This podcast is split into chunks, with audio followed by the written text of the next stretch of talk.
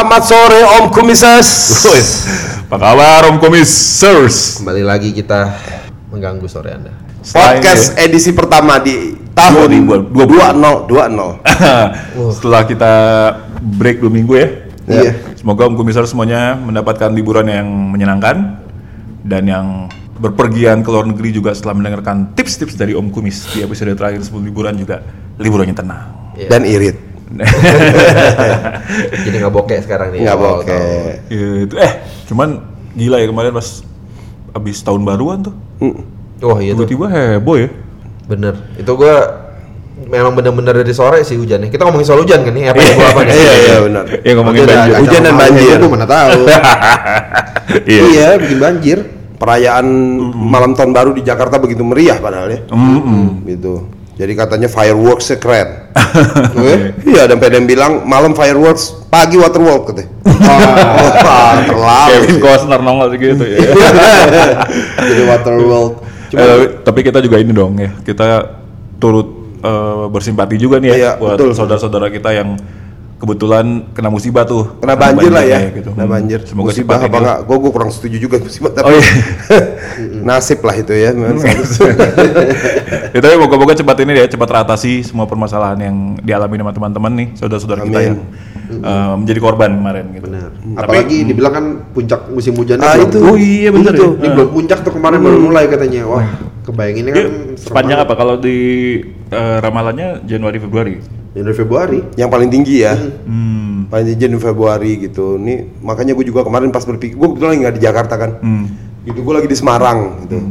Begitu gue lihat, wah Jakarta banjir besar gitu, gue penasaran juga gitu karena Semarang itu terkenal banjir kotanya sebetulnya. Hmm. Gitu. Untungnya gue pas di sana sih memang nggak banjir gitu. Untungnya. hujan juga tapi. Apa Hujan, hujan, cuman mungkin nggak karena gua nggak di sini gua nggak tahu berapa ekstrimnya hujan di sini, katanya cukup ekstrim kan. Kalau. Semarang nggak. Iya, kayak badai gitu bener-bener yang udah jam 5-an udah gelap gitu udah, udah Oh. pas tanggal 31 sore tuh. Uh, Nah, itu udah mulai banjir, genangan segala macem Jam 6 jam 7 aja udah parah. banjirnya aja kan mulai dari dini hari kan udah sebagian. Oh, iya, iya. itu dari dini hari sebenarnya gitu. Nah, makanya kali ini kita di topik ini terus menuju puncak musim hujan yang katanya akan tiba. Kita mau ngebahas soal banjir nih. Karena se- selain banjir air waktu itu juga di medsos dan di TV banjir komentar juga. Betul, gitu ya. kan simpang bukan simpang siur lah maksudnya informasinya berbagai versi Iya. ada yang menyatakan eh, kekecewaannya kepada Pak, Pak Gubernur gitu ya cuman ada satu sisi juga ada yang punya pandangan lain Iya, iya. di situ gue lihat kayaknya wah bahkan eh, akhirnya banyak yang jadi pertanyaan juga nih di antara teman-teman gue misalnya kayak mereka tiba-tiba di grup permainannya wah itu sebenarnya bedanya normalisasi sama naturalisasi itu apa sih gitu Hmm, sempat jadi polemik tuh ya di media sosial banyak yang gitu mana banyak yang bagus pro dan kontra. Hmm. Heeh, jadi kan ya wajar juga sih masyarakat lagi banjir gini kan jadi pengen tahu lebih banyak tentang banjir Betul. nah karena itu kita di sini. Kita, di sini. cukup beruntung ya mendapatkan kesempatan untuk berbicara dengan Pak Yayat Supriyatna. Nah, beliau ini adalah ahli tata kota dan dosen teknik planologi Fakultas Arsitektur Landscape dan Teknologi Lingkungan Universitas Trisakti Jakarta. Trisakti represent. Nah, beliau juga merupakan salah satu panelis di dalam debat pertama pasangan calon gubernur dan calon wakil gubernur DKI Jakarta pada Pilkada 2017 kemarin nih. Hmm, Ini pilkada yang Pak ada Pak Anies, eh, AHY sama Pak Ahok ya Hmm, saat itu hmm. gitu. dan di media ini belakangan juga kita lihat eh, beliau cukup sering juga nih eh, Iya. muncul di media dimintai pendapatnya Iya, iya. dan eh, lain sebagainya terkait Iya. dengan masalah banjir. Nah karena itu Karena kita di sini nggak ada yang punya pengetahuan soal banjir ya kita banjir enggak, dengan- tajir enggak. Kita hadirkan beliau Kita hadirkan kita ngomong kita bahas sama orang yang ahli. iya untuk memberikan pemahaman terhadap Om Komisers. yes. Demi Om Komisers. itu lagu apa tuh? Pas lagu pertama masuk. Iya.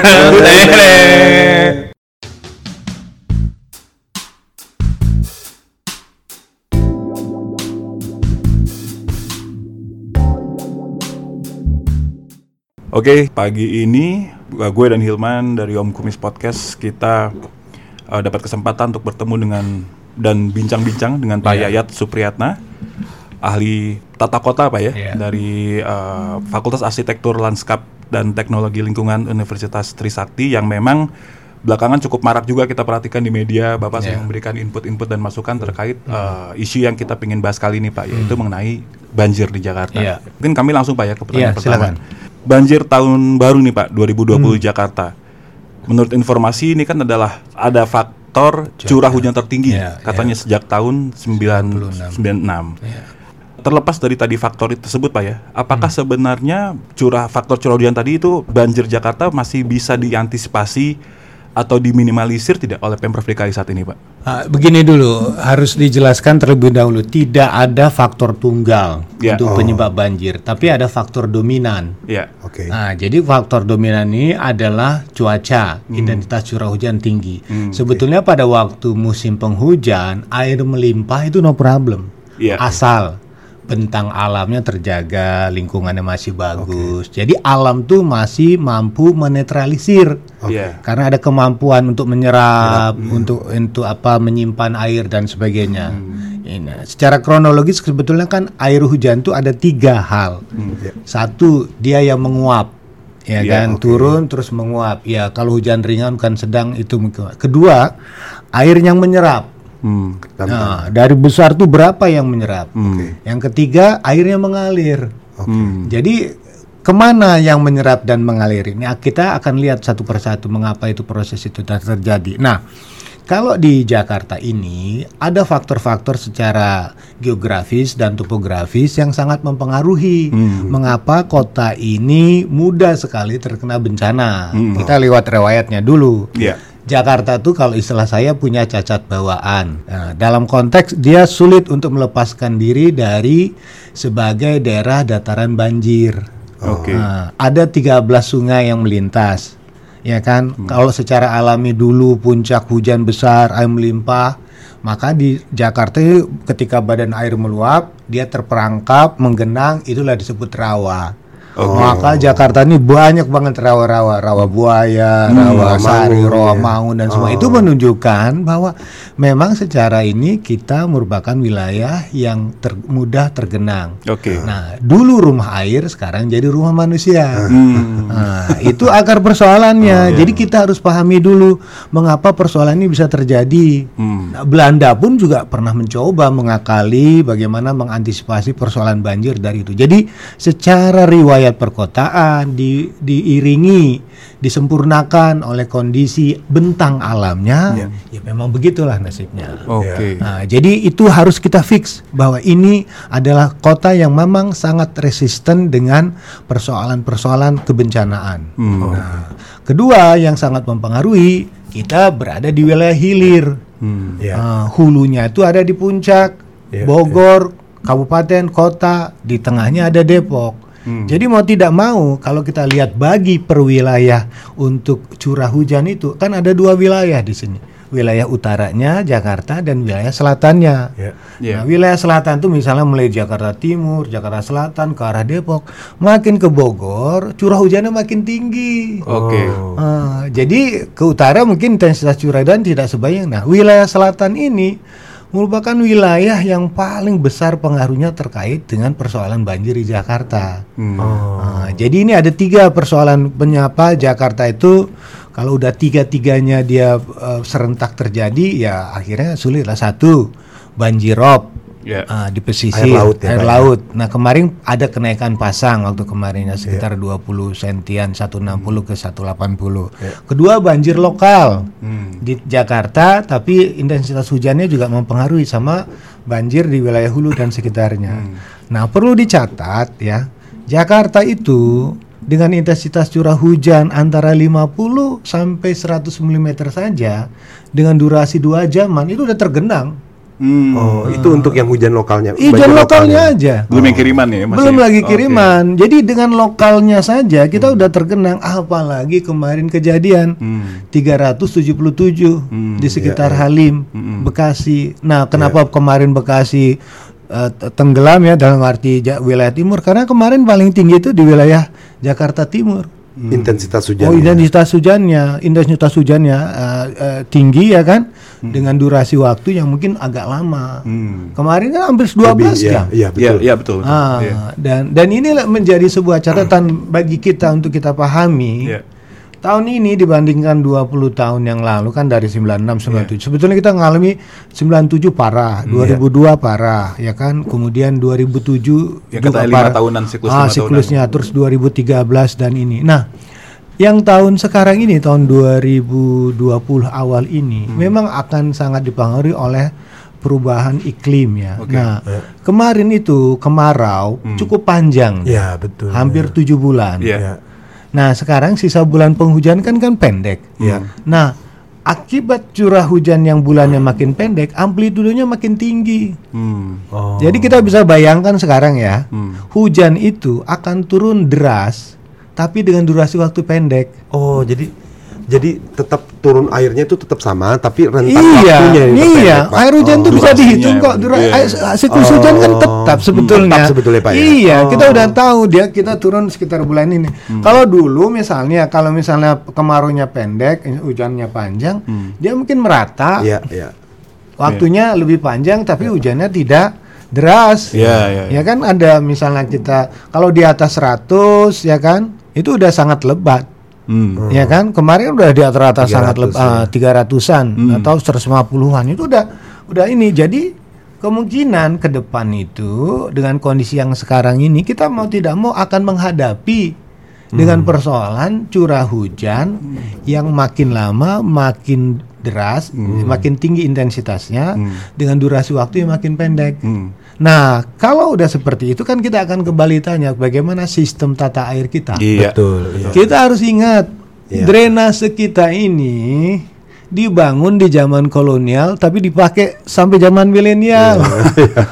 Iya bayangkan Iya, coba betul, lihat betul. semua sistem yang ada itu kanalnya masih zaman Belanda, Iya. gorong-gorongnya masih kecil saja Iya. dan kotanya makin berubah. Iya. Hmm. Jakarta itu kan makin lama coba pembangunannya makin masif. Iya. Hmm. Ya kan? Pembangun ruang terbangunnya udah lebih dari 90%. Hmm. Sementara gorong-gorongnya cepet aja seperti itu. Hmm. Jadi bisa dibayangkan kalau misalnya pada saat yang bersamaan hujan turun, tadi airnya menyerap ke mana? Hilang udah resapannya. Iya. Hmm. Makanya ada kebi ada namanya eh, run off air. Hmm. Nah air itu kalau udah di atas satu mendekati satu, kalau udah nggak ada resapan jatuh, pleng, udah. Jadi sementara gorong-gorongnya, drainasenya, gorong-gorongnya kecil, Hmm. drainasenya mungkin sempit, tertutup, Hmm. dalamnya satu meter, lumpurnya udah 60 cm Ya, kan mengendap tinggal ya. 20 Iya, iya, iya, iya. kan Iya. jadi dia meluap belum lagi itu coba lihat sekarang orang bangun mall besar Hmm. ya kan coba lihat perkeras aspal airnya turun brr Iya. gorong-gorongnya seperti itu nggak ada Hmm, perubahan iya. dan Jakarta bisa dibilang sebagai kota yang paling lambat untuk melakukan urban renewal Maksudnya gimana Pak Apa Urban itu? Renewal? revitalisasi seperti Singapura. Singapura itu kan kota lama Iya. Iya. dulunya. Bagaimana menjadi kota modern? Iya. Dia akan hitung perubahan ke depan tuh bagaimana kalau saya buat ada pembangunan baru, ruang terbukanya hilang. Kapasitas gorong-gorong siapa? Dibuatlah gorong-gorong raksasa. Hmm. Oh. Kayak model Surabaya itu dua, dua, dua meter dua meter orang bisa jalan di bawahnya. Kalau model gaya saya bukan membandingkan ya. Iya. Dulu kalau model Bu Risma itu waktu dia jadi wali kota dia cukup lama sebagai birokrat. Dia tahu, dia bawa alat. Ini air tergenang di mana nih? Hmm. Iya. Macetnya di mana? Hmm. Iya. Penyebabnya apa? Selidiki. Oh, ini penyempitan. Oh, ini pendangkalan. Itu masuk program. Iya, iya. Jadi temukan masalahnya. Nah di kita ini persoalannya drainasenya nggak pernah uh, uh, tata drainasenya itu itu tidak banyak melakukan perubahan. Oh. Jadi bisa bayangkan contohnya ya di Jakarta ini kan pemukiman padat kumuh itu hampir mendekati 50%. 50% Oh, Pak, ya? hampir 44 sampai 45 itu data dari ATR ya tahun 2019 itu. Itu kalau udah seperti itu coba lihat rumahnya satu menghadap kanan, satu Ya, menghadap ya, kiri. ya, Coba cek ada drainasenya nggak? Nggak ada. Gangnya itu lah. Udah tuh kalau ada gorong-gorong dikit atau drainase terbuka ditutup buat Iya. parkir motor, Iya, hmm, betul, buat betul. lebarin jalan. Ke mana airnya? Akhirnya meluncur jadinya. Airnya ya. mengalir, Iya. mengalirnya tidak mengalir seperti itu. Iya. Belum lagi ditambah dengan penurunan permukaan tanah. Hmm. Ah. Dengan penurunan permukaan tanah yang terus-menerus terjadi 30-40 cm per tahun, itu kan wilayah tergenangnya makin Iya. banyak. Oh, Makin artinya tiap dia. tahun itu sebenarnya Jakarta bisa bilang ambles dong, Mbak. Iya turun. Karena apa? Karena kita ngambil air tanah terus-menerus. Oke. Iya, iya, iya. Itu jutaan kubik diambil. Iya. Sedangkan yang dari langit nggak masuk lagi ke dalam. Ah, ya. itu tadi kita tidak melakukan gerakan menabung air, menyimpan air. Itulah yang menjadi perdebatan kem- yang kemarin. Pada saat air melimpah, kita Iya, membuang, betul. tapi memang kita tidak punya tempat penahannya. Iya. Kalau kita tahan, dia akan menggenangi seluruh ini. Hmm. Karena udah persoalan tadi saya bilang, ketika curah hujannya tinggi, sistemnya itu nggak nggak bisa mengatasi. Nggak mumpuni ya, Pak. Iya, jadi kan kalau misalnya contoh, namanya membangun kota itu kan ada namanya mitigasi bencana. Betul. Tata ruang tuh basis. Kalau saya bangun, oh ini kawasannya rentan nggak terhadap bencana? Oke, bencana apa yang paling mengancam kota ini? Gempa bumi. Berapa ketinggian skala Richter dahsyatnya gempa bumi? 9 skala Richter. Maka dibuatlah peraturan daerah bahwa pondasi konstruksi bangunan itu bangunan tinggi harus mencapai gempa 9 skala Richter. Harus kuat menahan itu. Iya, sekarang pertanyaannya, bagaimana dengan banjir? Iya, iya. Bagaimana dengan drainase kita? Apakah drainase kita itu mampu tidak membaca perubahan pola hujan yang terus-menerus terjadi? Iya, iya. Nah, itu kan jadi saya bilang tidak ada faktor tunggal yang mempengaruhi persoalannya. Ditambah lagi apa ditambah yang paling mendasar? Ada persoalan kultur. Hmm. Kebiasaan kita membuang sampah berapa persen sih sampah di Oh, Jakarta? sampah betul ya. Yang bisa di itu kan? Ya yang bisa kita kelola kita ini kan. Padahal penduduk kita 10 juta lebih. Satu orang tuh bisa satu kilo menghasilkan. Berarti ada berapa? 70 ribu ton, berapa ton sampah yang yang yang yang kita tidak bisa olah? Ya kan? Berapa sampah yang akan terbuang dan sebagainya. Nah, ini persoalan. Jadi ada persoalan struktur, ada persoalan eh, kultur. Nah, jadi kalau misalnya kita ingin melihat, maka apa tidak diatasi? Ya banyak faktor. Riwayatnya coba Belanda aja udah buat kanal aja, akhirnya dia nyerah. Hmm. Akhirnya Belanda cuci tangan, cuci kaki, angkat kaki, angkat tangan. Iya, iya. Nah, nah, dia membuat konsep sedimental, eh, konsep kanalisasi. Hmm. Dulu eh, ada antropolog atau apa buku riwayat tentang banjir Jakarta cerita Jakarta tuh kota kanal yang gagal. Hmm. Belanda itu membayangkan imajinasi dia Batavia itu kayak Rotterdam, Amsterdam. iya, iya. Tapi dia lupa ketika dia buat kanal. Tadinya kan dulu Jakarta belakangnya itu kan kebun karet, di Tangerang kebun tebu dan sebagainya. Dia ingin menjadikan kanal itu sebagai apa alat transportasi Iya. Iya. untuk ngangkutkan dulu Belandanya. Iya. Sekarus untuk pengairan. Tapi rontok. Kenapa penyebab sedimentasi? Hmm, Jadi kanal-kanal itu sedimentasi, makanya kalau orang dengan normalisasi, sedimentasinya juga akan tinggi. Itu nanti persoalan teknisnya. Tapi saya bilang sedimentasi kita tinggi.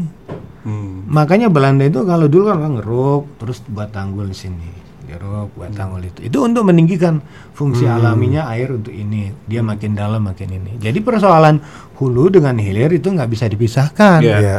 Jadi kita harus memahami dulu Ya. pada persoalan bagaimana bentang alam kotanya, sistem hidrologinya, sistem tata kelolanya. Jadi kita lihat aja kalau Jakarta dengan kondisi seperti ini sebetulnya daya tampung dan daya dukungnya sudah kelewatan.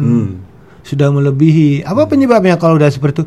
Dia akan sensi, sensi terkait bencana. Hmm. Ya kan? Musim hujan kita kebanjiran, musim kemarau kita kekeringan. Kekeringan, ya. Ibaratnya orang Ekstrim semua. oh, ekstrim. Jadi kalau kemarau tuh mau cari mata air ketemunya air mata semua kan. nah, di musim hujan juga air mata semua Iya, kita. iya, iya. Betul, betul. Jadi persoalan kita itu tadi kita tinggal di daerah dengan tingkat persoalan besar. Hmm. Tapi mau gimana Jakarta itu kota duit. Iya, Iya, iya, iya. Orang Nah, tetap datang. Nah, mengapa dia tam- tambah rucak? Iya. Karena ada persoalan tata ruang dan tata uang.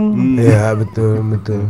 Iya. Iya, iya, iya. Iya, ini kan yang terjadi kan apa? Jakarta ini menjadi ruang yang dikomoditaskan. Betul. Banyak orang eh, meng- mengabaikan eh saya punya tanah di sini.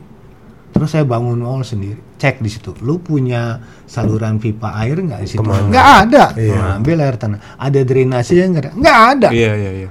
Perumahan-perumahan baru tuh cek. Orang yang modal sekarang tuh saya punya perumahan di sini. Hmm. Ini buangnya ke mana? Oh, buang tetangga sebelah. Iya. Sudah buat lagi buangnya tetangga Iya, sebelah. iya, iya. Iya, iya. Itu perumahan-perumahan kelapa gading coba. Iya, iya. Itu kalau udah di Sunter, udah di mana itu, itu yang terjadi apa? Itu kan perang saling punya pintu air. Iya. nutup. Iya, betul.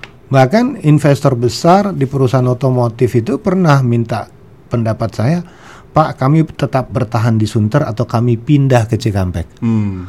Karena ada ada satu peristiwa di 2013 berapa Menggenang. mobil mereka tuh yang masih baru Iya, tergenang, tergenang semua. Iya. Oke. Nah, itulah sebabnya saya bilang ini persoalan tata ruang, persoalan penduduk, daya dukungnya, daya tampungnya, kebencanaannya itu kompleks sekali. Hmm.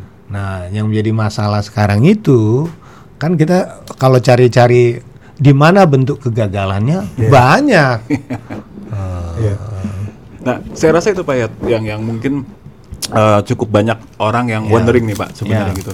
Karena ya mau nggak mau tadi Pak ya sendiri kan sudah menyampaikan bukan membanding-bandingkan tapi kan kita Ya. harus lihat fakta Ya. realitanya Bu bagaimana Bu Risma menangani Surabaya. Iya. Di Jakarta sendiri ini kan banyak yang mengatakan di era sebelum Pemprov sekarang eh, banjir itu mereka merasa sudah cukup tidak hilang seperti Bapak bilang, tapi cukup terkendali dalam artian daerah-daerah yang tadinya banjirnya ringan jadi tidak banjir, daerah yang banjirnya berat jadi ringan Ya, dan surutnya cepat. ya.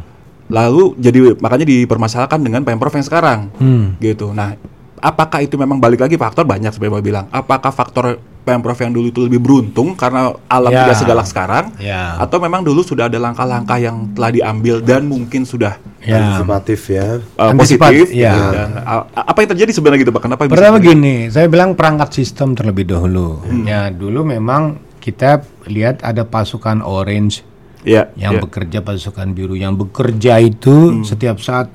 Jadi ibarat gini, harusnya ketika musim penghujan datang, kita harus bekerja keras pada saat musim kemarau. Iya. Iya, betul. Ya. betul. Jadi di mana seperti depan Trisakti ini tiga tahun terakhir ini nggak pernah banjir misalkan. Kemarin tergenang banjir, Banjir. padahal mesin pompanya barusan aja diganti dengan kapasitas yang lebih besar, Iya, ya kan? Nah pertama gini perangkat sistem, iya. organisasi pengelolanya, apakah melakukan optimalisasi tidak untuk mencek? Sebetulnya gini, berani nggak pimpinan itu menetapkan lama genangan itu harusnya dalam waktu kurang dari 15 menit. Hmm. Udah surut. Jadi itu. sebetulnya kita bisa membedakan. Ini sebetulnya yang macetnya di di apa di dari genangan dari drainase atau dari sungai. Kalau sungai itu warnanya coklat semuanya. Nah, itu berarti kemarin itu kejadiannya itu meluap di sepanjang ini. Oh. Tapi kalau dia agak bening-bening dikit, Iya, nah, itu tidak ada lumpurnya, nah, Iya. itu kemungkinan dari faktor drainase. Drainase. Oh. Nah, jadi kita lihat kegagalan sistem tuh di mana. Jadi kalau kemarin itu banyak coklatnya, bisa dikatakan potensi wilayah yang terkena bencana itu kebanyakan di bantaran sungai. Bantaran Oke. sungai. Coba lihat peta perumahan Ciledug. Iya. Orang nggak tahu Ciledug indah itu apa. Di tengahnya tuh ada sungai kecil. Hmm. Nanti sebelum kepada sistem. Hmm. Kemang Pratama Iya, iya. itu ada sungai. Betul ya. Kemang itu ada sungai. Orang tidak tahu. Saya waktu kejadian eh, tanggal 1 itu saya juga hampir kena musibah dalam arti begini. Saya melakukan perjalanan di Bogor karena tinggal di Bogor. Saya menuju wilayah Cigudeg. Di tengah jalan saya dihentikan, "Pak, balik, Pak. Ada longsor di depan." Yang sekarang Bogor Barat itu babak belur juga. Hmm. Di sana itu hujannya gede juga. Hmm. Sepanjang jalan saya lihat, oh hulunya ini airnya meluap besar. Hmm. Dan saya udah bayangkan, saya bisa misalkan mana yang Ciliwung, mana yang Cisadane, mana sungai-sungai lainnya, Pesanggerahan dan sebagainya. Hmm. Kalau udah melihat seperti ini di hulunya, sementara hulunya sudah rusak, otomatis Makanya hampir sebagian besar orang ketika membeli rumah tidak paham, menganggap sekali itu biasa. Hmm. Misalnya di Kemang Pratama tanggulnya jebol katanya. Tanggulnya jebol itu ya. tanggul atau tembok. Oh. Dulu di Kemang juga gitu. Itu pagar rumah Hmm. untuk jaga tanahnya. Jebol katanya. Memang bukan didesain buat tanggul. Bukan untuk menahan air. Ah, sungainya dijaga atau tidak? Hmm. Ya kan? Karena sungai itu kan dibagi-bagi, sungai nasional, sungai provinsi. Hmm. Itu udah dibagi-bagi. Jadi orang suka lepas tangan di situ. Nah, jadi kalau misal melihatkan apa yang ada yang gagal pertama gini, pahami dulu ketika kita tempat tinggal. Oh, ini kalau dia coklat begini berarti ini ada persoalan. Siapa yang mengelola sungai? Siapa yang merawat sungai? Kelembagaannya. Sungai itu nggak bisa disekat kalau sungai lintas ya ada lintas antara provinsi kota itu itu sungai nasional. Kalau yang di dalam wilayah kota itu provinsi. Nah pertanyaannya siapa kelembagaan yang bertanggung jawab untuk menjaga ini? Dan yang kedua memang harus dipengaruhi tekanan penduduk membuat dataran sungai kita itu uh, rusak lah Yeah. daerah. Nah jadi kalau misalnya kemarin untuk di Jakarta pertanyaan sederhana wilayah mana yang selama ini terus-terusan banjir? Ya. Ada 82 RW di Jakarta yang given lah, artinya sudah sulit, lah pasti. udah Pasti itu banjir. udah pasti banjir. Nah ya kan misalnya yang Grandville itu yang sekarang sampai sekarang belum surut. Apa depan penyebab? sini ya, Pak. ya? Ah, da- Misalnya di eh, Cipinang Melayu, Ya.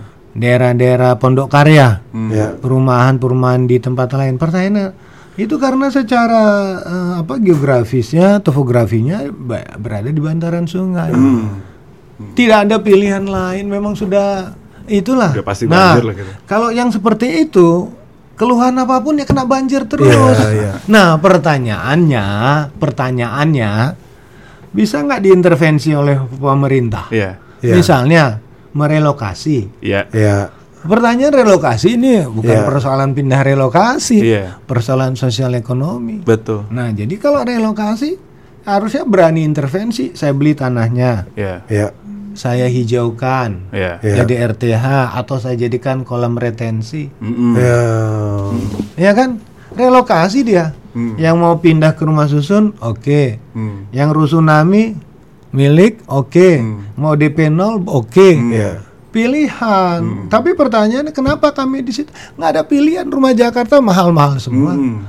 Yang di bantaran juga sudah seperti itu. Nah, itu ingat ya. Hmm. Faktornya itu karena memang mungkin ketidaktepatan memilih tempat tinggal. Iya. Nah, kalau pemerintah harus bekerja melihat sistem. Hmm. Tupoksinya, tugas pokok dan fungsinya. Iya, iya, iya. Sumber daya airnya apa? Oh, melakukan rutinitas. Itu dilakukan. Ya. Hmm. Tapi pertanyaan yang mendasar dilakukan atau tidak? Misalnya konsep normalisasi. Hmm. Ini kan desainnya sudah ada dari tahun 70-an. Hmm. Diperbaiki oleh JIK. Iya. Ada yang dari kementerian yang bentuk ini. Ganjil Kanal Barat, Banjir Iya, Kanal iya, iya, Timur. iya. Ah. Semua di sungai dibuat ada sodetan dan Sodetan, sebagainya. betul. Itu harus kerjasama Hmm. dengan pemerintah pusat dan pemerintah daerah Hmm. Berhenti dua tahun yang lalu nggak ada dieksekusi Ya. karena pemerintah punya konsep yang berbeda. Betul. Hmm. Pemprov yang sekarang. Nah, itu konsep naturalisasi Ya. yang kemarin ribut dengan normalisasi. Iya, iya. Ya kan? Iya. Ini kan masalahnya mau normalisasi, mau naturalisasi harus membebaskan. Setuju. Relokasi tetap iya, Pak. harus dilakukan. Karena pada prinsipnya daerah-daerah itu sebenarnya tempat diamnya air sebetulnya. Iya, bukan? jadi contohnya gini saya tahu, kasih tahu. Ini laut, ini pasang, ya di laut ya. Kalau pasang lautnya lagi tinggi, ini sungai. Air yang datang dari sungai itu namanya parkir air di sini. mentok jadinya Pak ya. Dia nunggu, Iya. nunggu sampai surut. Hmm. Nah, ketika air surut barulah dia mengalir ke sana. Ini namanya ruang parkir air, rumah air. Sekarang jadi rumah manusia. Kalau kata air, "Eh, ini rumah gue dulu. Kenapa Iya. lu tinggal situ? Iya. Kita bilang kita kebanjiran. Udah itu lu nggak ada. Padahal air. orang yang di rumah- Iya, di di rumah rumah air. Bukan kita kebanjiran, air Iya. yang terganggu Terus dengan Yang pemukiman. pelaku pengembang bilang bebas banjir. Iya maksudnya air- banjirnya bebas Bebas masuk. Nah, bebas masuk. Nah itu makanya saya mengatakan kita harusnya orang itu harus cerdas melihat itu. Tapi emang nggak ada pilihan orang nguruk-nguruk. Tapi kan banjir itu nggak ada yang tahu kapan datang. Betul. Alam tuh nggak ada yang bisa duga. Nah di situ yang harus kita pelajari. Oh ini rumah air, ini parkir air, ya kan? Iya. Model perumahan. Nah Jadi kalau pemerintah, pemerintah itu bekerja berdasarkan ini. Nah, sekarang misalnya ada penurunan. Eh tahun lalu itu anggaran APBD DKI 1,7 T Ya, ya. triliun, ya kan? Saya nggak tahu. Tapi kata anggota dewan itu penyerapannya hanya 69 persen. Yes. Ada yang tidak terserap. Hmm. Terserapnya tuh tidak terserap tuh di mananya itu. Harusnya kan dilihat. Ya. ya. Karena tidak terserap dari 1,7 diturunkan sekarang 1,5. Ya. Hmm. Padahal banjir itu adalah program prioritas. Iya, betul. Ya. Ya. Nah, kalau program prioritas sampai anggarannya diturunkan, why? Iya, betul. Nah, pertanyaan juga harus dibedah lagi. Kenapa dia tidak terserap? Iya, iya. Di mana masalahnya? Hmm. Kalau misalnya masalahnya itu ada di pembebasan tanah, sebutkan. Harusnya pembebasan tanah itu jangka panjang, ya kan? Hmm. Nah, pertanyaan dibebaskan yang mana? Orang normalisasi tidak dibebaskan, Hmm. dibebaskan untuk naturalisasi mana? Jadi kan kita tunggu aksinya. Itu Iya. dalam konteks apa? Mau normalisasi, mau naturalisasi, yang penting kan dikerjakan. Betul sekali. Nah, Iya. pertanyaannya lebih lanjut. Mengapa ini tidak ditindaklanjuti? Hmm. Sebetulnya kalau dilakukan, kalau dilakukan, ini kan sekarang kalau masih tergenang banjir karena konsepnya belum sempurna, Hmm. Iya. belum dijalankan. Hmm. Iya. Kalau konsepnya dijalankan contoh di hulu itu dibuat waduk waduk Ciawi dan Sukamahi. Hmm. Itu bisa menampung berapa juta kubik. Jadi air bisa ditahan. Kemudian dialirkan Hmm. ke masuk Ciliwung. Kalau Ciliwung kapasitas dinaikin. Kalau dia meluap di sekarang dibuat sodetan, Sodetan, iya. di Duri itu kan. Iya. Bukit Duri. Tapi dari 1,2 hanya 600 ribu terhenti karena pembebasan tanah. Kenapa berhenti? Hmm. Apa masalahnya? Padahal kalau ini volumenya naik bisa dibuang ke banjir kanal timur. Iya, iya. Iya kan? Betul. Kalau misalnya di Cima, di Suka di Ciawi sama Sukamahi bisa dimaksimalkan, itu bisa mengurangi 30%. Wah. Jadi kalau ada s- 100 kampung yang selama ini terendam mungkin 70 Iya. masih itu, tapi yang 30 30, bisa diselamatkan. Bisa kering ya. Bisa terambat. Sebenarnya Pak, kan ada yang bilang eh, normalisasi sudah dilakukan. Dari 33 kurang lebih 30-an kilometer Sungai Ciliwung, katanya 16 itu sudah dinormalisasi. Tapi mandek. Iya. Pertanyaan saya gini Pak, kalau misalnya dalam dua tahun terakhir ini kita ngomong normalisasi dulu nih, dilakukan, mungkin akan menambah beberapa kilometer. Salah atau tidak orang berpikir kalau itu dilakukan harusnya kemarin efek banjir tidak separah kemarin. Iya, kemungkinan gini, normalisasi itu kan meninggikan tanggul. Iya.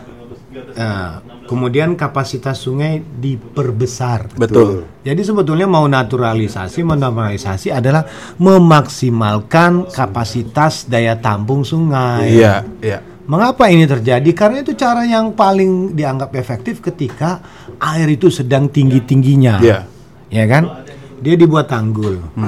Kalau misalnya pernyataan Pak Menteri dikatakan yang sudah bertanggul itu tidak terkena parah. Kalau misalnya di Kampung Pulau kemarin itu walaupun sebelah tanggul karena dia lebih rendah, harus dipompa. Hmm. Iya. Ah, jadi bukan dari air sungai yang meluap, tapi dari catchment area Oke. yang ada di sekitarnya. Jadi dia misalnya eh, dia di bawah kan, Ah, di sini ada jalan inspeksi, Iya. Iya, kan iya. tinggi ya kan, Iya. sesuai dengan tanggul rumah kan masih di bawah. Iya, turun. Nah ini kan dulu ada nama sistem klep. Klep itu kalau misalnya hujan besar dia nutup, Nutup. supaya air itu. Kalau kalau musim ini dia ngebuka, ya kan dibuat sistemnya. Cuman kan waktu kemarin dia nutup, air tidak mengalir. Hmm. Karena itu nggak dibuat pompa. Pertanyaan kan bukan dari sungai yang meluapnya misalnya kan. Hmm. Nah, jadi pertanyaannya kalau misalnya sistemnya disempurnakan, misalnya dijalankan, wilayah-wilayah yang kemungkinan eh, sudah bertanggul itu kan bisa diprotek. Hmm. Kalau kita mengacu kepada PP sungai dikatakan jarak sungai yang bertanggul itu ya kan itu bisa uh, bertanggul bisa 3 meter sampai 5 meter harus dikosong. Bisa pemukiman itu. Nah, tapi kalau tidak bertanggul bisa 15 sampai 20. Hmm. Harus jauh kan? Hmm. Nah, jadi kalau bertanggul artinya boleh orang dekat situ. Ini untuk di dalam wilayah perkotaan kan. Iya. Tapi kalau misalnya kan air tuh meluap, akan dihitung berapa dia lebar nah, Hmm. jadi kalau misalnya bisa dilakukan, itu kan ada hitungannya. Misalnya ada hitungan dari Pak apa dari Pak Menteri. eh, saya tidak ini ya, tapi orang-orang hidrologis pasti punya hitung-hitungan bagaimana cara mempertimbangkan atau menghitung eh, eh, apa kapasitas eh, dari dari sungai tersebut. Nah, saya misalnya ada eh, skemanya misalnya yang menunjukkan bagaimana rencana dari pemerintah itu untuk meningkatkan kapasitas dari eh, kemampuan daya tampung sungai, dan sungai tersebut.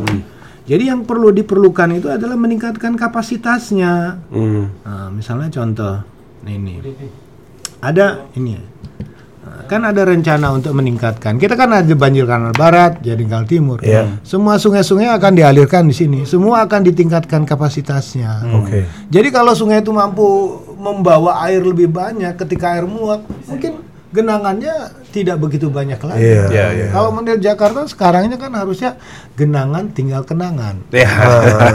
itu kan harusnya Iya, iya, iya. sudah sampai ke sana Iya, iya. pemikiran kita. Kita kan sebetulnya kalau sistem itu sempurna itu tidak separah itu seperti dulu orang ribut pik. Kenapa pik itu aman? Iya. Karena ada sistem polder dia. Oh. Jadi dari seluruh rencana ini satu kuncinya pembebasan tanah. Itu yang paling penting. Oh itu. Iya. Kita mau mau jalan apa pun sekarang tuh kuncinya di pembebasan Itu aja dulu pokoknya. Tidak Oh, terhindari, Pak ya. Tidak terhindari. Hmm, Karena orang pasti akan menuntut dengan harga setinggi-tingginya. Pasti. Itu persoalannya. Dan kedua ada persoalan kalau bagi mereka yang tidak punya kemampuan. Hmm. Kemampuan untuk ya memiliki rumah dia di situ pakai tanah negara atau tinggal pinggir sungai. Jadi kalau dalam konteks sekarang rencana program yang dibuat itu, kalau misalnya tadi ada penyerapan hanya 69% katanya, cek itu mengapa? Hmm. Di mana penyebab macetnya? Di mana problemnya? Hmm. Sehingga anggaran tidak Ah, terpakai. kalau misalnya kemarin sebagian besar yang wilayah terkena banjir itu ada wilayah bantaran sungai, ya kita coba optimalkan. Misalnya pengembang yang warganya itu coba, ayo di mana nih penyebab tanggul yang mana yang jebol kemarin, sumbernya dari mana? Petakan, panggil pemerintah daerahnya, Banten, Jawa Barat, DKI, ayo. Jadi bekerja tuh kalau di hulunya ada bermasalah, ayo benahi di hulunya. Karena kan penanganan banjir itu ada dua, struktur dan non struktur. Struktur tuh ya tanggul, buat polder, buat waduk, buat sebagainya. Orang lebih senang pada strukturnya dibandingkan non struktur. Struktur kan tadi uh, uh, menjaga kebersihan, menanam pohon, lubang drena apa, membuat lubang biopori, resapan. Tapi kan non struktur ini mengukur kesadaran susah. Duitnya juga Kesadaran. kecil. Iya, iya, iya. Kalau proyek kan besar, Iya. lebih menarik. Nah, ini ini Pak Yat. Ini paling banyak banget orang nanya nih. Mungkin pertanyaan kita terakhir Pak Yat. Jadi ada normalisasi, naturalisasi. Hmm. Tadi Bapak mengatakan, tentu tadi saya setuju banget bahwa kunci pertamanya adalah mau dua-duanya asal kalau nggak bebasin Iya. lahan ya sama aja, bohong kan Pak ya iya. nggak bisa dilakukan apa-apa. Tapi normalisasi, eh, naturalisasi, normalisasi sudah pernah dilakukan. Sekarang ada program baru naturalisasi. Banyak yang mengatakan paling ideal itu naturalisasi. Iya. Eh, mungkin nanti bisa benar apa tidak gitu. Cuman mungkin yang orang pengen tahu Pak sebenarnya yang paling realistis untuk kita sekarang di Jakarta ini dengan seluruh kondisi perekonomian kita, eh, sosiologi kita dan lain sebagainya. Yang paling memungkinkan itu dan paling realistis itu adalah kita teruskan normalisasi atau memang naturalisasi itu baik Begini, kalau untuk jangka pendek, karena ini berbicara tentang kewenangan, apalagi di Sungai Nasional Ciliwung dan Cisadane, pilihan Ciliwung, itu program normalisasi harus tetap dijalankan. harus berjalan. Harus tetap jalan. Karena sudah masuk program jangka panjang, mulai dari pintu air Manggarai sampai di perbatasan di TBC Matupang tuh. Ya, ya. Ah, itu lap, eh, enam- eh, 18 kilo 36. Itu kan kapasitasnya ketika sungainya dilebarkan, Iya. itu pintu air Manggarai pun udah ditambah satu jadi tiga. Hmm.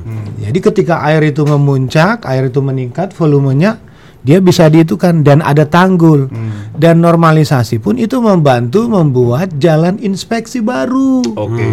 Jadi menormalkan sungai dan menormalkan kehidupan warganya. Iya, kan? Yes. betul. Yes. Kita persoalan cuman kesannya satu beton, yang satu bronjong kesannya alami. Al- alami. Ah. Cuman kalau untuk tujuan praktis sekarang ini memang ketika puncak dan sebagainya mungkin sudah rusak, Ya. air melimpah, Ya. itu memang normalisasi sebagai salah satu jalan yang saat ini menjadi pilihan. Oke. Kalau ingin dinaturalisasi, itu prosesnya lama memang. Karena mengembalikan bentang alami, Bentang alami. bentang alami, tidak pakai beton, pakai bronjong, Iya. lanskapnya, serapnya, membangun hutan kembali. Iya. Itu di negara-negara Eropa pilihannya dilakukan karena kondisi masyarakatnya memang, Memang, mendukung iya. untuk itu kan, ada kesedaran. Jadi orang bisa ada ruang terbuka hijaunya di sepanjang sungai. Di kita ini hampir sepanjang sungainya itu sudah pemukiman padat. Iya, iya. Artinya apa? Mau normalisasi, mau naturalisasi, berani tidak melakukan itu. Karena kalau misalnya kita sungai yang dinaturalisasi, itu kan ada orang bisa duduk, ada bentang alaminya, Iya, iya, iya. pohon, lanskap. Itu menanam pohon itu bukan persoalan pendek. Betul. Iya. Kita ini Jakarta nih, waduh, orang lihat tanah dikit bisa buat Iya. apa aja, Ah, ya kan? Pun setelah tanahnya dibebaskan semua baru Bebaskan bisa ya, Pak. semua, tapi yang paling penting sungainya sama-sama dilebarkan. Iya. Normalisasi mengembalikan fungsinya, Hmm. ya daya tampung dan kapasitasnya. Naturalisasi pun membentangkan, melebarkan supaya airnya lebih besar volumenya, tidak seperti sekarang. Terus hamparan kiri kanannya juga dilebarkan. Jadi norm- naturalisasi ini sebetulnya titik beratnya kepada di sekitar sungainya ya Pak. Iya, naturalisasi itu dalam konteks yang lebih alami, ya kan? Ada lanskap hijau, fungsi ekologisnya berkembang. Kalau fungsi yang normalisasi, orang melihat eh, betonisasi, side pail dipanjang, tapi ada jalan. Tapi memang kita ini berhadapan dengan realitas yang memang agak berat. Kalau mau naturalisasi itu betul-betul harus ada komitmen dari pemerintah, masyarakat, Iya. komunitas. Seperti di Jogja ada di kali Code eh, ini ya eh, Code misalnya untuk dicoba dinormalkan, eh dinaturalisasikan dengan tapi itu melibatkan orang. Kita ini tekanan penduduknya besar. Iya. Orang butuh rumah. Kenapa orang tinggal di bantaran sungai? Karena itu rumah yang paling murah. Iya, iya. Berapa harga rumah sekarang di Jakarta? Tipe 36. Yang luasnya sekitar ya sembi- empa- sembi- 90 meter. 90 meter. Murah hanya 1,5 M. Iya. Di Bogor dengan tipe yang lebih mudah hanya hanya 700 800 Iya. juta. Kalau untuk warga kecil itu tipe LFPP yang 150 itu pinggiran sono. Di Bogor sono, di tanah-tanah itu itu menjadi persoalan. Nah, jadi di Jakarta itu tiga penyebab kemiskinan. Satu eh, transportasi yang menggerus pendapatan kita. Dua sewa rumah, harga rumah. Ketiga sembako. Jadi ingat loh di Jakarta Pusat tuh orang tuh penduduknya paling rendah, kalian paling mahal. Hmm. Jadi kalau misal orang bekerja tinggal dekat Jakarta Pusat, dekat kawasan sungai, karena itu dari sisi transport paling dekat, Iya, iya. rumah paling mudah, sewanya paling murah, Iya. airnya paling mudah dapat. Iya kan? Sani itu. Jadi persoalannya problem dengan problem kemiskinan. Hmm. Makanya dia kumuh di situ. Jadi itu akar persoalannya. Iya, iya. Jadi kita tidak bisa melihat mampu tidak berani nggak misalnya seorang pimpinan daerah mengatakan kau pindah, kau bahagia, Ah. Iya, betul. kau ikut aku, kau bahagia. Iya, iya. Apa jaminannya? Dapat eh, tempat tinggal yang bagus, Iya. lapangan kerja jaminan itu Iya. dekat tempat kerja. Kalau program-program yang sebelumnya itu memang sudah memindahkan penduduk, tapi kurang sempurna. Hmm. Kurang sempurna di mana? Pada pemberdayaan ekonominya. Oke. Oke. Jadi kemarin dipindahkan 15.000 kakak ke rumah-rumah susun itu memang akhirnya satu nunggak semua. Oke. Hampir lebih dari 50 miliar. Hmm. Itu persoalan jadi tidak pernah dicek kamu pindah kerjanya di mana-mana, ada yang kerja nggak dan sebagainya. Itu itu kan. Jadi tinggal diperbaiki sisi itunya sebetulnya. Pak. Iya, carilah bentuk suatu klaster. Tapi pertanyaan tadi dipindahkan, kasih lapangan kerja, lapangan usaha, kesempatan. Jadi kemampuan membayar sewanya ada. Ada, iya, iya. Mereka bilang, iya kami ini tinggal di atas tanah negara, tapi kami bisa buat rumah. Iya. Iya, iya. Kalau rumah saya dihilangkan, saya dapat apa? Ini bertahun-tahun loh membangunnya. Iya. Misalnya saya ngambil contoh di Kampung Pulo dulu, Pak. Mohon maaf, walaupun ini kandang burung, tapi keluar sarjana dari sini. Hmm. Kalau di sana ada kandang emas, mampu nggak kami menjadikan sarjana di sana? dan soliditasnya juga tinggi. Jadi problemnya itu adalah dibutuhkan aktor besar yang mampu meyakinkan bahwa kau pindah, kau bahagia. Ya. Dan kedua, matikan mafia tanah yang Iya, bermain Iya, di situ. iya, iya. Harus ada aktor besar yang mampu dan mau, Pak ya. Iya. Iya. Dan mau Dan mau. dan mau mengerjakan. ya kan? Untuk tujuannya Saya gitu bilang, udah nggak usah pakai wacana-wacana. Iya. Semua konsep bagus, tapi jalankan itu. Pelaksanaannya. Eksekusi. Eksekusi. Iya. Jadi Iya. kita yang warga yang jadi korban pun langsung ngerti lah, Pak, nggak usah debat-debat. Kami pingin kehidupan kami aman ke depan. Ingat loh, Iya. banjir itu membuat orang tambah miskin. Betul, Betul, itu betul, Pak. betul. Ya betul. Apalagi di daerah yang terus-terusan banjir. Iya, betul. Betul, betul. Belum penyakitnya ya Oh, Pak ya. oh, lelah mereka dan Iya. ada satu namanya traumatik Iya. stigma. Iya. Jadi ibaratnya itu begitu orang lihat mendung galau dia. Iya, betul. Kalau nggak macet banjir. Betul. Betul, betul. Itu persoalan loh dengan aset. Sekarang tidak lihat miskin, tidak lihat kaya. Iya. Rumah di pinggir sungai. Coba promosi perumahan perumahan Riverside. Iya. Riverside yang kaya juga habis. Riverside yang Iya, miskin lebih habis. Iya, iya. Yunisar aja kebanjiran juga Itu kemarin. Pak. tadi bawa kasur terapung. Iya. Jadi saya bilang, mari kita hidup secara lebih cerdas. Betul. Betul, betul Pak. Dalam memilih tempat tinggal, dalam memilih lagi ini dan pemerintah pun harus bekerja keras, Iya, inovatif. Iya. Jangan bawa politik ke Betul, dalam masalah bencana. Itu aja. Betul. Waduh. Jangan mau politik betul. Jadi ya mungkin paling tidak dari kita sebagai masyarakat ya paling jelek-jelek yang kita lakukan mungkin dari sampah dulu ya Pak ya. Ya. Dari kita ya paling nggak sampahnya. Gerakan gerakan non struktur lah, penanganan penanganan banjir dan sebagainya itu dialui dengan membersihkan lingkungan, Hmm. memperbaikan solokan, tidak merusak drainase, membangun rumah dengan pada tempat yang layak, Hmm. dan ada upaya mitigasi bencana, ada early warning system, dan yang paling penting rajin-rajin ngupdate cuaca, Ya. informasi. Iya, iya, iya. Karena BMKG itu sudah canggih, yang Iya. nggak nyambung sekarang itu antara ilmu langitan dengan ilmu buminya. Oh. Ilmu langitannya udah ngasih tahu akan terjadi A, B, C, D, pajajang. Hujan tuh bisa diprediksikan Iya. jatuhnya kapan, daerah mana, di mana mana. Tapi pertanyaan, apakah semua informasi dimanfaatkan? Iya. Iya. Gitu. Kalau menurut, oh maaf pak, nggak ada dananya, susah. Iya betul betul. Iya, kita bergerak tuh kalau udah ada bencana. Sampai habis ini juga lupa. Iya Dan benar. akhirnya saya diwawancari lagi. Diwawancara ya, saya cari Pak Yayat lagi nanti. Oke ya. Pak Yayat terima kasih banyak waktunya. kasih banyak, eh, Pak. Pak. Semoga ini juga memberikan Banyak sekali eh, banyak informasi yang kita eh, dapat. bagi pada pendengar kita dan moga-moga juga lebih pendengar kita seperti Bapak bilang lebih cerdas, Iya. lebih lebih siap mengantisipasi se- dengan sesuai dengan lingkungannya masing-masing dan moga-moga juga bisa mendorong eh, pemerintah mana pun juga ya pemerintah Betul, pemprov sekarang pemprov pusat bahwa ini jangan biarkan masyarakat selalu berendam sepinggang Iya. Iya. eh, karena akan semakin miskin ya Pak ya. Iya, gitu. Terima kasih banyak Pak Yayat atas waktunya. Sama-sama, terima kasih. Terima kasih banyak Pak.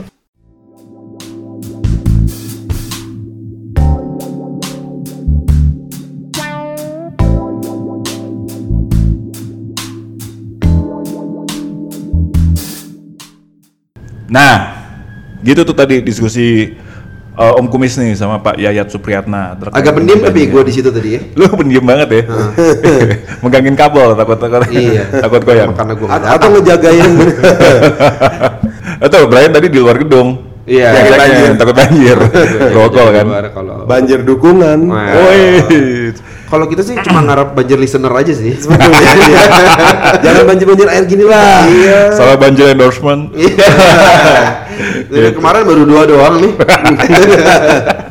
nah, jadi menarik banget ya Hmm. tadi eh, pandangan dari Pak Yayat moga-moga bisa membantu Hmm. eh, Om Komisaris juga bisa lebih mengerti nih Hmm. kurang lebih seperti itu permasalahan banjir di Jakarta dan kondisi-kondisi dan realitanya yang ada sekarang Betul. gitu. Jadi Terbukakan sih pikiran gue langsung setelah. gua- betul gitu walaupun lu tadi nggak ngomong. Itulah enaknya. Emang gue Dia nyatet. Gue Itulah anugerahnya Om Kumis. Eh, iya. Konsen Brian. Konsen. kemarin role, role gue kita udah udah setuju kalau tadi role gue adalah jadi good listener aja kan. Iya, Iya, benar. Benar. supporting role. nah, kalau kita boleh simpulkan nih, eh, apa tadi yang disampaikan sama Pak Yayat cukup menarik ya kayak satu. eh, karena gue sebenarnya tadi mau nanya sama Pak Yayat, sebenarnya mungkin gak sih permasalahan banjir di Jakarta itu bisa diselesaikan 100%? Cuman clear tadi dari penjelasan Pak Yayat ya, ya nggak mungkin. Nggak mungkin. Memang Jakarta dari dari basicnya emang udah seperti itu. Iya, gitu. sulit. Dan kita juga nggak nyangka tuh ternyata Jakarta tiap tahun ambiar ya, eh apa ambles ya? Ambiar. ambles 30-40 cm. Iya, per Tiap tahun. loh. 30 persen sih. Ambles. heeh. Oh. Nah, lu tadi tahu. gitu terus jadi memang seperti itulah kondisi Jakarta makanya penanganannya juga harus serius Iya. gitu kan. Nah, cuman itu tadi Pak Payet menjawab kok uh, soal normalisasi, uh, naturalisasi gitu mana yang lebih realistis ya kalau menurut kita sih ya tadi penjelasan Pak Yayat ya clear itu yang normalisasi lah saat ini lebih realistis Iya, ya gitu. iya. Dan permasalahan yang diangkat, eh, yang di point out sama Pak Yayat yang paling penting ya itu pelaksanaannya. Hmm. Nah. Ya terserah mau programnya apa, tapi pelaksanaannya Kerjain. sudah mendesak sekali nih gitu Iya. keadaannya bahkan sampai sudah terjadi tragedi kan, terjadi bencana gitu. Mhm. Gitu. Jadi memang ya setuju banget intinya mau apa pun juga ya dikerjain dan tampaknya memang PR terbesar memang di masalah pembebasan lahan. Iya. Ya, gitu. Ya nggak mungkin kan normalisasi atau naturalisasi tanpa pe- menggunakan lahan-lahan yang ada di sekitar sungainya. Betul gitu. nggak mungkin, ya. nggak ada nggak ada lahan segede gitulah Jakarta Nggak ada. iya itu Nggak. mah udah banyak daerah wisata pinggir sungai gas, gas daerah aliran sungai. Iya. Gitu. Tapi juga pesen-pesen kita sih ya, Mbok ya Pemprov nih Pak Anies nanti kalau lagi bebasin lahan juga nggak usah jadi kayak eh, nego sama secara apa nego sama orang-orang komersial juga gitu ya. Mohon diingat ya. Iya. Sebagian besar juga nggak bersurat itu Pak. Ya, lucu dong. Artinya kalau dipertahankan bangunan-bangunan itu, tiap hujan juga mereka juga korban kok. Iya. Gitu dan si sayangnya mereka juga korbankan orang-orang lain. Betul, betul. Gitu dan apakah kalau kemudian terjadi penggusuran terus dipindah tuh jadi korban? Enggak kok Enggak, gitu. Udah memang bagus PR-nya. PR-nya kan nggak nggak nggak cuma gusur doang tuh ya si pemerintah juga Menyiapkan. Pemprov memang harus siapin nah Iya. Benar, benar. yang keduanya itu nggak sulit dilakuin juga atau belum dilakuin aja kali Belum. Bahkan bahkan secara program beliau ini nggak mau. Iya. Pak Gubernur kita tuh memang nggak mau itu programnya itu mengatakan tidak ada penggusuran bener gak gue? Iya sih kayak kurang lebih gitu. Iya ya. kan? Nggak ada nggak ada penggusuran gitu. Dia bilangnya bukan digusur soalnya digeser bos kan Sama aja dong. Iya gitu. Kita bukan menggusur, kita menggeser. Makin digeser ke tengah sungai maksudnya. Setelah tadi Om Kumisers mendengarkan pandangan dari Pak Yayat, dapat gambaran dong Ya. gitu.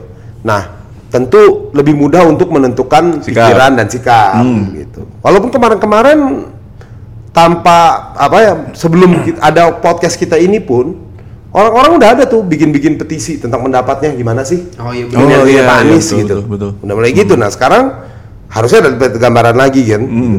Nah petisi-petisi ini gue kan banyak. Sebenarnya petisi kan bukan cuman mengenai Pak Anies ini aja kan dari Iya. dulu gitu. Ini apa sih manfaatnya sebenarnya petisi ini? Eh, ada apa namanya? Eh tujuan apa yang mau Iya, dicari gitu effectiveness-nya ya. Nah, apakah mau actually pecat seorang pejabat publik iya, apakah cuma sekedar minta perhatian dari pemerintah betul. soalnya kan sebagai wadah, sebagai wadah. sebagai wadah gitu kan untuk nunjukin Hmm. ini loh yang pemilih-pemilih atau masyarakat Iya, iya. minta gitu Yang ya. inginkan ya betul. inilah refleksi betul. cuman jarang dibahas juga ya di itu di dalam proses pengambilan keputusan lah at Betul. least Iya, iya. Ya karena Oh itu- iya betul ya dalam per- pe- dalam proses pengambil kebijakan publik gitu nggak ada Ah, faktor apa pun kayaknya, ah, pernah kayak- disebut gitu loh Iya, entah memang itu tidak diperhatikan Ah. atau itu bukan nggak disebutkan aja gitu kan. Oh. Karena bahasanya kan kadang disampaikan kebutuhan masyarakat kan bahasa selalu begitu kan. tapi apakah sebenarnya itu berdasarkan petisi atau enggak kita nggak tahu Nggak juga. tahu, iya. Cuma untuk clear lagi di Indonesia itu memang petisi itu belum ada payung hukumnya, belum ada dasar hukumnya gitu. Jadi mungkin lo bisa merujuk ke undang-undang dasar 45 tentang kebebasan menyatakan pendapat dan lain sebagainya, Ya. misalnya ya. Ya.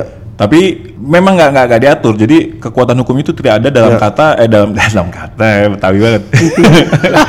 dalam dalam artian walaupun petisi itu yang ikutan tanda tangan 100 ribu, 2 Ya. juta, 3 juta, 10 juta, cuman nggak ada kewajiban untuk pemerintah me- mendengarkan bukan ya, Iya, maksudnya menindaklanjuti dari Iya. eh, petisi tersebut. Betul, gitu. Jadi betul. ya bedanya kalau di negara-negara lain tuh udah ada kalau kayak di Amerika Iya. gitu kemarin sejak 2014 gitu kalau nggak salah mereka tuh udah punya tuh kewajiban. Kalau misalnya yang ada petisi yang ngisi itu lebih dari 100 ribu dalam waktu 30 hari itu pemerintah wajib respon. Hmm.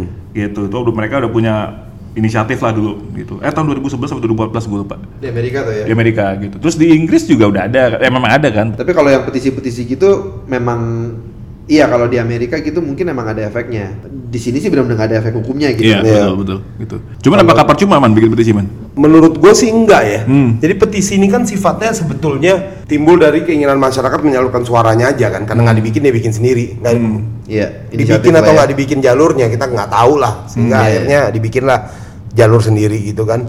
Nah, menurut gua bisa dua hal nih, modelnya kayak petisi bikinan masyarakat gini, bisa juga yang sifatnya seperti petisi dibikin oleh pemerintahnya. Kita masih ingat dulu pemprov yang dulu tuh bikin aplikasi namanya Clue. Nah, itu dasar hukumnya akhir aturan mainnya akhirnya si aplikasi si pemprov sendiri yang bikin. Kalau ada laporan dalam tiga hari nggak ditindaklanjuti, ada efeknya tuh pejabat publiknya dipecat langsung, gitu. Nah, di kita itu juga kalau dibikin aturan mainnya akhirnya benchmarkingnya kan harus harus ada harus jelas kan kayak 100 ribu orang gitu. Artinya ini kan sangat tergantung dari penyebaran petisi ini dan ke- keinginan masyarakat untuk ikut serta dalam petisi itu gitu.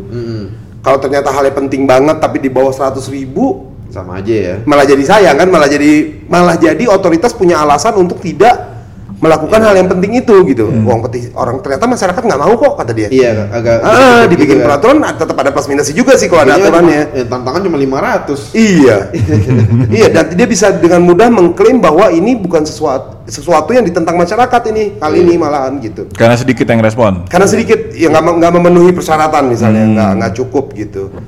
Itu satu hal kalau ada peraturan atau enggak gitu ya. Terlepas dari itu pun mungkin juga kita bisa ngelihatnya ke arah kewajiban para wakil rakyat kita nih, gitu.